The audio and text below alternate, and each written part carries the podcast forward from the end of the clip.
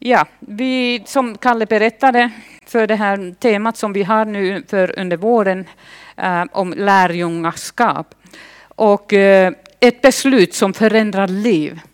Och jag kan lova, och jag har varit så lycklig och det har varit så underbart när jag har eh, förberett det här hemma och har undersökt olika ja, eh, olika, på olika sätt och olika översättningar.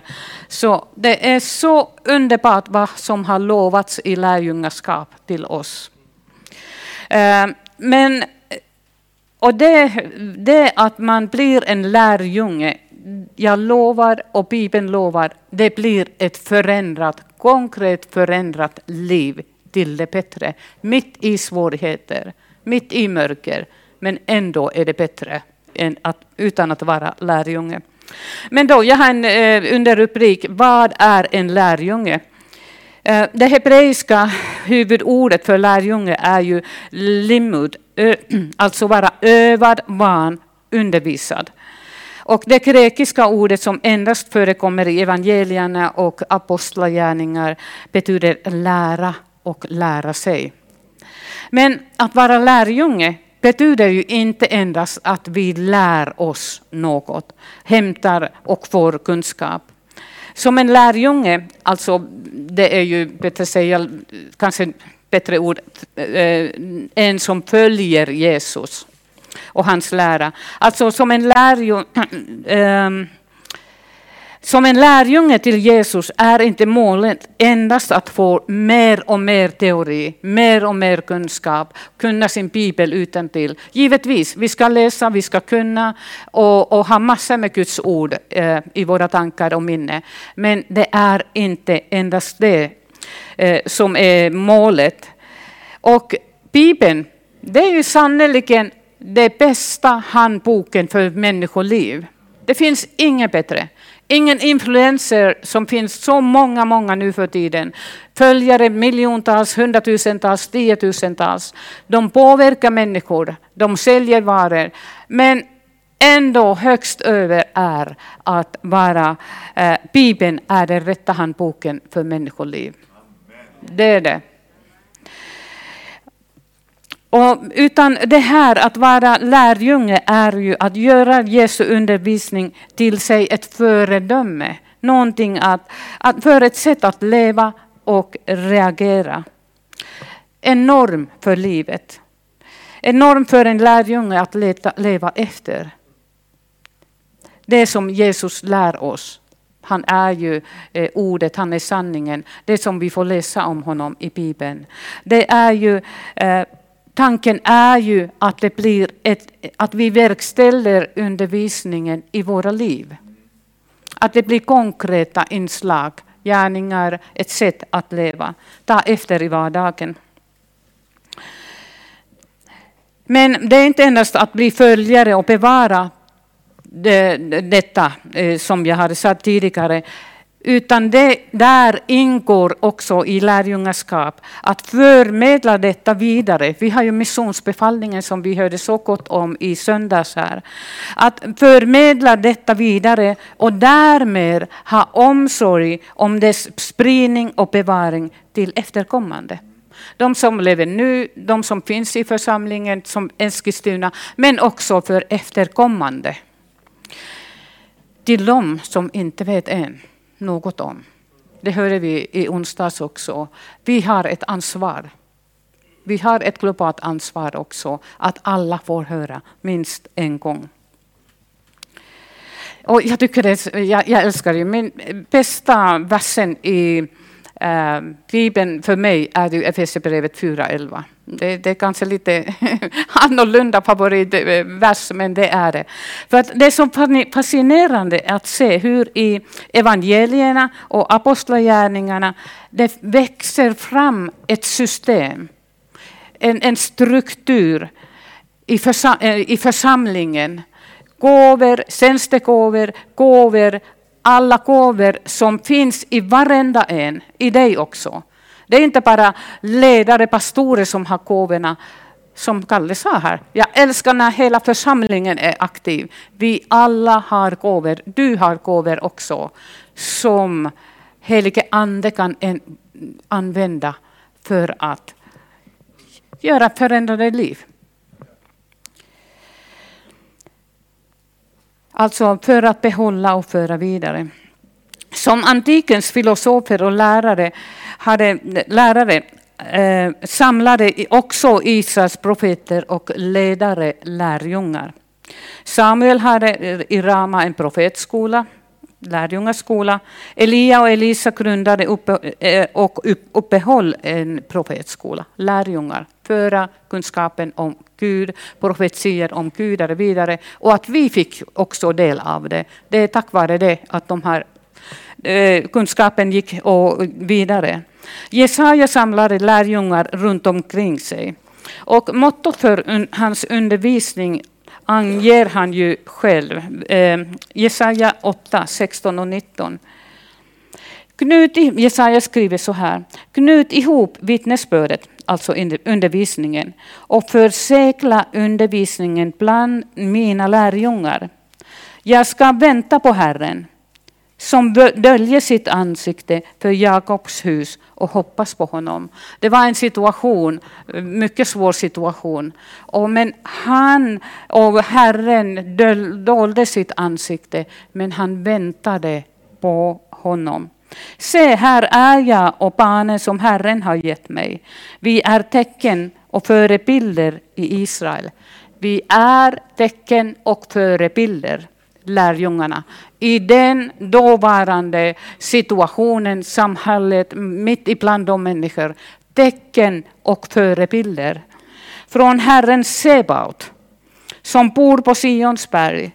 När de säger till er, fråga ande besvär, eh, besvärjare och spåmän, de som viskar och mumlar, så svara, ska inte ett folk fråga sin Gud? Ska inte ett folk fråga sin Gud? Stark budskap till oss också idag, ikväll. Lärjungar, profeter, vi är tecken och förebilder i Israel. Ska inte ett folk fråga sin Gud? Jesus, Guds son, han kom. Se Guds lamm Se Guds son som tar bort världens synd, sade Johannes. Och vi kan läsa Lukas 5, 1 och framåt. När Jesus såg folkskarorna gick han upp på berget. Nej, hej, nu är jag på fel. nu var jag på Matteus. Det lät inte riktigt. Det var bra det också, men jag tror att för temat ikväll är det här bättre. Eh, en gång stod Jesus vid Genesarets sjö och folket trängde sig in på honom för att få höra Guds ord. Och det här, jag tycker det är så underbart. Då de trängde sig nära Jesus för att de kände att det var något mycket mer utöver en vanlig människa. Och här ikväll har det sänts en atmosfär att han är här. Och då är det mycket mer att vi, många som sitter här, då är det mycket mer, då är Jesus närvarande. Och Jesus vill uppenbara sig som du sa det eh, Stickan. Han vill uppenbara sig i vår församling, i våra församlingar i Eskilstuna. Om jag begränsar mig till det. Och när han kommer genom den helige ande, då händer det saker. Då kommer folk och närmare och närmare vill de komma. För de vill få det som Jesus har att ge. Inte vi, men genom oss uppenbarar sig helige ande och låter dem möta Jesus. Visst är det underbart? Och det är möjligt. Om jag kan sjunga i anden, jag som är totalt omusikalisk, så det är en uppenbarelse för mig. Det är anden som sjunger genom mig. Jag gör ingenting. Tänk alla nådegåvor när de anden får uppenbara sig genom oss. Nu är jag utanför mitt Ja, nu går vi tillbaka. Mm. mm. Ah, okej, okay. då såg han två båtar ligga vid stranden. De som fiskade hade lämnat dem och höll på att skölja näten. Jesus steg in i en av båtarna, den som tillhörde Simon, och bad honom läcka ut lite från land. Sedan satte han sig och undervisade folket från båten. Jättebra akustik och han fick vara lite längre bort från folket. När han hade slutat tala sade han till Simon, gå ut på djupet och lägg ut era nät till fångst. Simon svarade, Mästare, vi har arbetat hela natten och inte fått något, men på ditt ord ska jag lägga ut näten. De gjorde så och de fick så mycket fisk att näten höll på att brista. Då vinkade de åt sina vänner i den andra båten och komma, att komma och hjälpa dem. Och de kom och flydde, fyllde båda båtarna så att de var nära att sjunka. När Simon Petrus såg detta föll han ner vid Jesu knän och sade, gå bort från mig, Herre. Jag är en syndig människa. Han och alla som var med honom hade gripits av bävan inför fångsten de hade fått. Även Jakob och Johannes, Sebedeus söner, som fiskade i lag med Simon. Men Jesus sade till Simon, var inte rädd, från och med nu ska du fånga människor. Då drog de upp båtarna på land, lämnade allt och följde honom.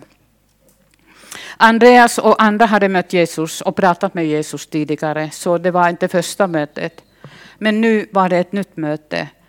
De kallades till att bli lärjungar.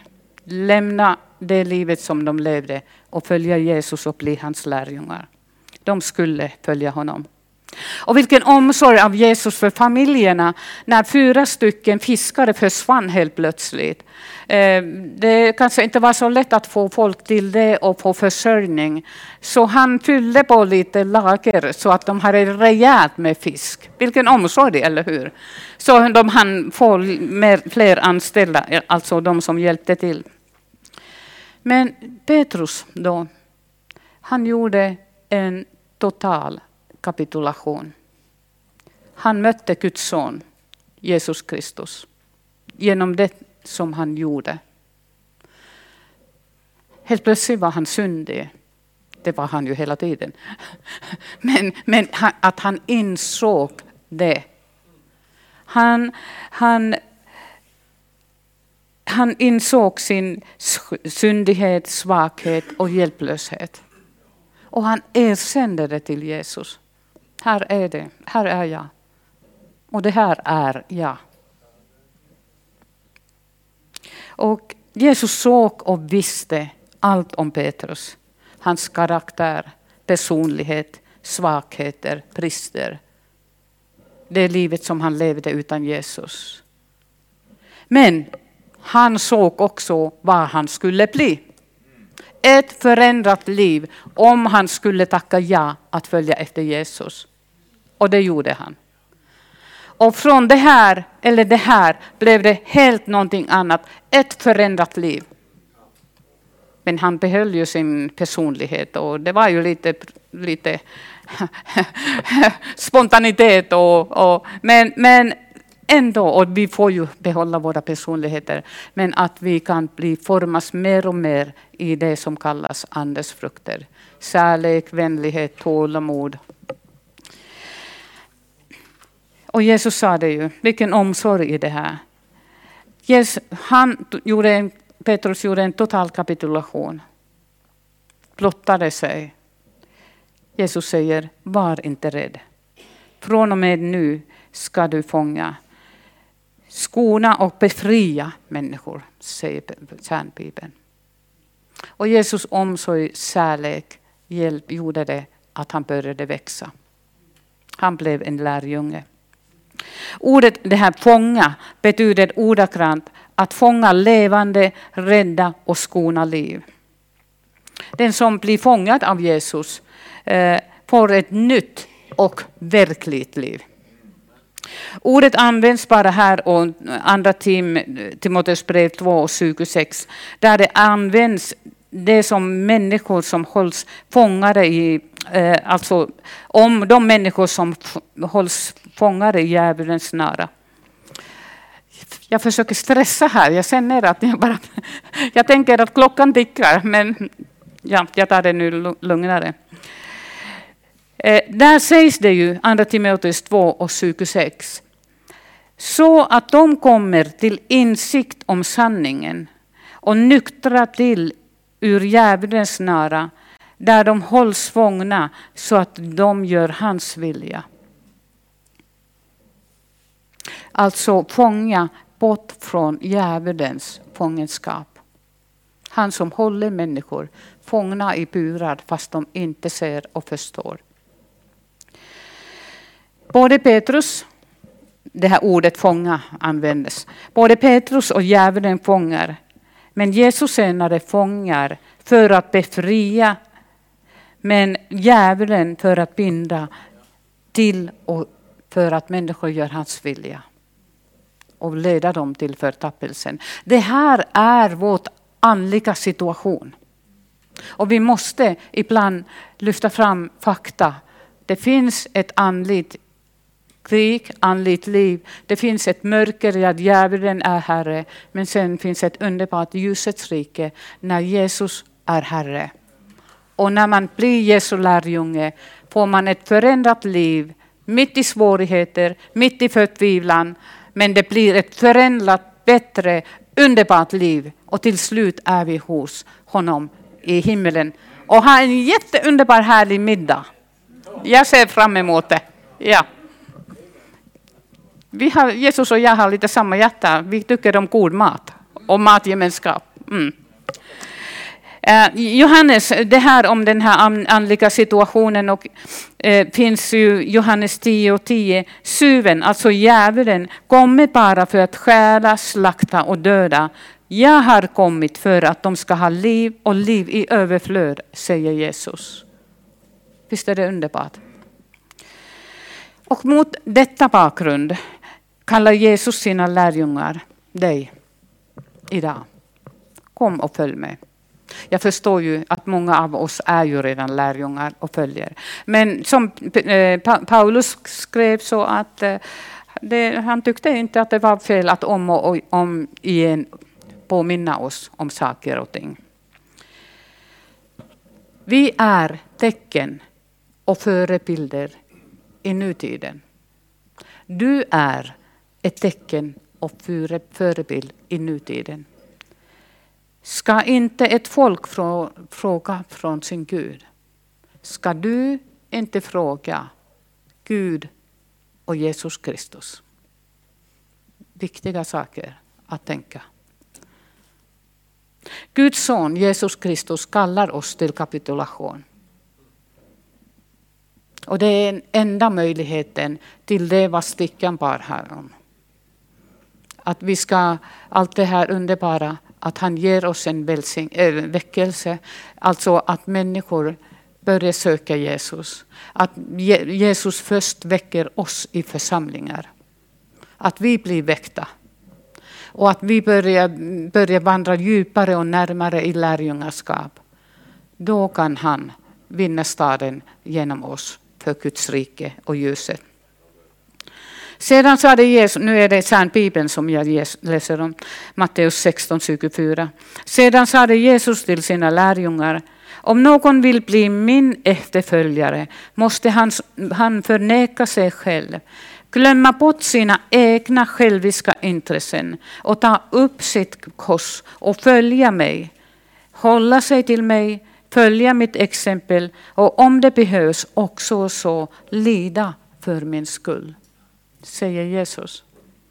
Vi kanske ibland har en bild att när vi har fått frälsningen, tron, vi är Guds barn, vi är Jesu efterföljare, då är att han ordnar alltid att vi går på en slätväg, inga bekymmer, inga svårigheter. Men så är det inte.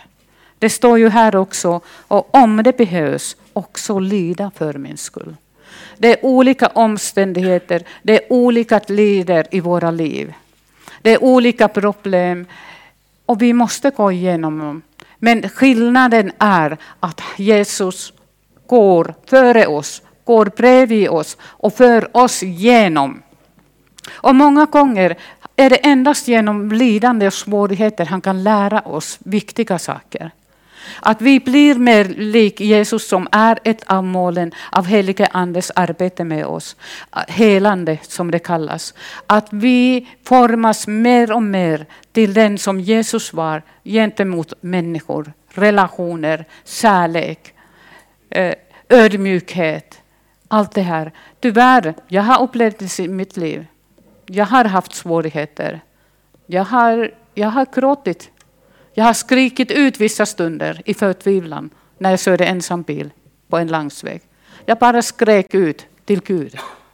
Och ändå har han varit trofast. Jag har gått igenom och jag måste säga, det som jag var här, det är jag inte här. Det är jag inte ikväll. Genom svårigheter har han format mig också. Så vi får inte bli förtvivlade när det blir svåra saker. Har Jesus, har Gud glömt mig? Har han lämnat mig? Nej, han är närmare än någonsin. Vad gör vi när våra barn gråter? När de är små så tar vi och, och kramar om och när de är stora också kramar vi om. Det gör Gud också. Du som är, har jättesvårigheter eller mindre svårigheter ikväll, tänk på det när du kommer hem. Gud vår Fader, han vill krama om dig. Han kramar dig. Sitt där i din fåtölj eller på soffa och lyssna vad han säger till dig, hur han vill trösta dig. Det har jag också hört. Det blir lite vittnesbörd här också. Men, men det här, bara att man hör mitt barn, var inte orolig.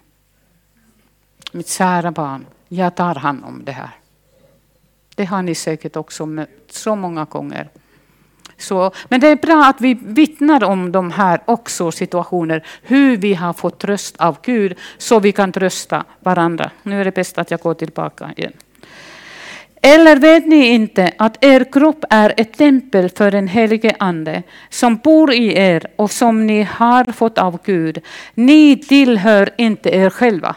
Vågar man inte säga det här högt i Sverige? Individualismens land. Du tillhör inte dig själv. Knappt. Man tror att, när man, när man, att man är sin egen Gud, man får bestämma sin, över sin kropp och över sin livssituation, över allting som berör en. Att man är lycklig, att man, att man, att man är lycklig och det lyckligaste livet när jag får bestämma allt. Men så är det inte. Fast Jesus ger ju frihet också, men det är på ett annat sätt. Den som vill rädda sitt liv ska mista det. Alltså om jag bestämmer, nej, jag bestämmer över mitt liv. Jag vet precis hur jag vill leva, hur jag gör.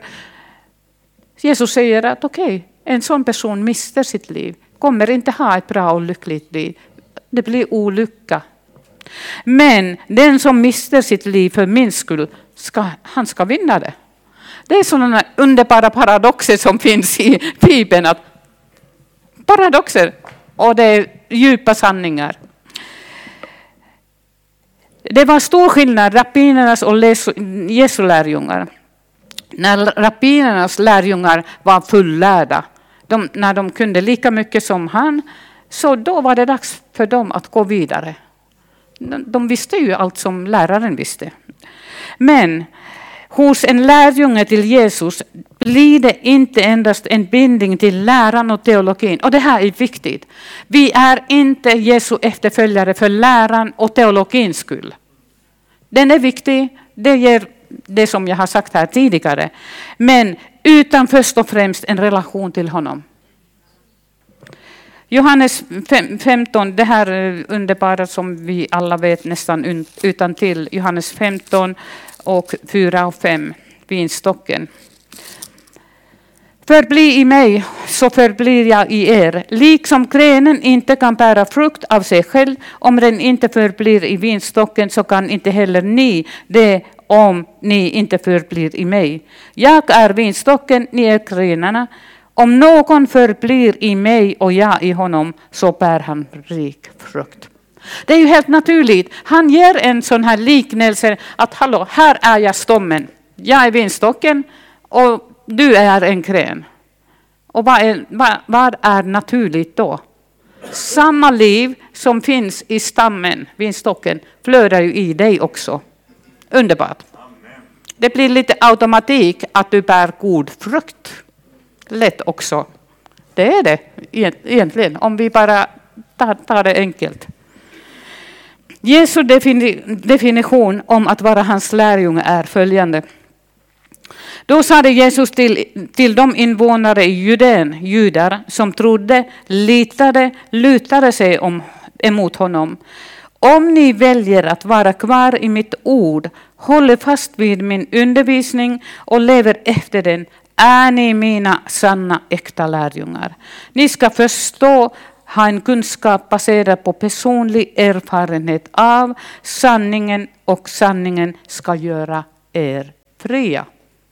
Jesus ger ju en eh, influenser, eh, och, och, nej, individualismen säger att då blir man fri, fri. Men Jesus säger också att när, ni, när vi följer honom blir vi fria och då blir vi riktigt fria. Inte på mänsklig nivå utan på skaparens eh, nivå och åder. Han är ju ändå skaparen. Han var med i skapelsen. Han är prototyp av en människa. Han har ju brukanvisningen för våra liv. Och då är det bäst att läsa Bibeln, eller hur? Och följa det i våra vardagsliv. Och det viktiga är att vi hjälper varandra. Att vi inte tänker, jag är misslyckad. Totalt misslyckad om det har hänt någonting, om man känner sig. Utan då pratar vi med någon, vi ber tillsammans, vi uppmuntrar. Vi, det går ju inte så här för oss alla. Det finns tråkiga, svåra dagar för oss alla. Men att vi är ett hjärta, en själ, en familj i församlingen. Att vi vågar det som vi är, med misslyckande, svagheter, med lycka och lyckande. Att vi stöder och uppmuntrar varandra. Och nu bara kort avslutning, för att jag fick tecken. Jag hade bett att visa mig när 20 minuter har gått. Så. Vår situation är ju nu så här att Jesus är ju i himmelen, på Faderns högra sida. Hur kan vi följa honom då? Vi kan ju tyvärr inte göra det så som hans första lärjungar gjorde, att de såg honom och kunde tala så här. Men, ehm, men Jesus hade en underbar lösning på det. Kan ni tänka på det vad det var? Ja, den helige Ande. Och det som är också så underbart, helige Ande, han är inte bara en kraft som rör sig någonstans. Nej, han är en person. Han är en person som talar, som, som lyssnar, som gör saker, som uppmanar. Han är en person och han är här. Och han är hos dig. Ja. Men han är i hjärtat, men han är en person här också, tänker jag. Och eh, det är så att tänka sig att han talar. Apostlagärningar, när Petrus var på taket, det kom tre personer och hämtade honom. Och då säger, när han sitter där och väntar på maten, han var hungrig. Och då säger helt plötsligt helige ande, tre män kommer och hämtar, kommer och hämtar dig, gå med dem, det är jag som har skickat dem. Kan vi höra hans röst, helige andes röst? Vem har hört att den helige ande har sagt det? Ni behöver inte lyfta händerna. Det är inte så länge sedan som jag upplevde starkt. Jag tänkte, jag har aldrig tidigare hört det här att helige att jag så klart och tydligt upplevde det var den helige ande som sa en viss sak till mig. Och då började jag leta i Bibeln att är det här bibliskt? ja, men, har det hänt i Bibeln? Ja, men det är allvarligt. Det är inte alls länge sedan. Kan han tala, helige ande? Vi säger Jesus talar till oss, Gud talar till oss. Och sen hittade jag det här med Petrus. Helige Ande talar till oss också. Han är vår hjälpare, försvarare, leder oss till sanningen, formar oss blir lik Jesus, att, for, att vi blir med Jesus karaktär och Andens frukt. Här hjälper oss, ger oss kraft och visar att leva efter Jesu undervisning i Bibeln. Vi är tecken och förebilder i nutiden. Ska inte ett folk fråga sin Gud? Vi kan göra det också. Amen.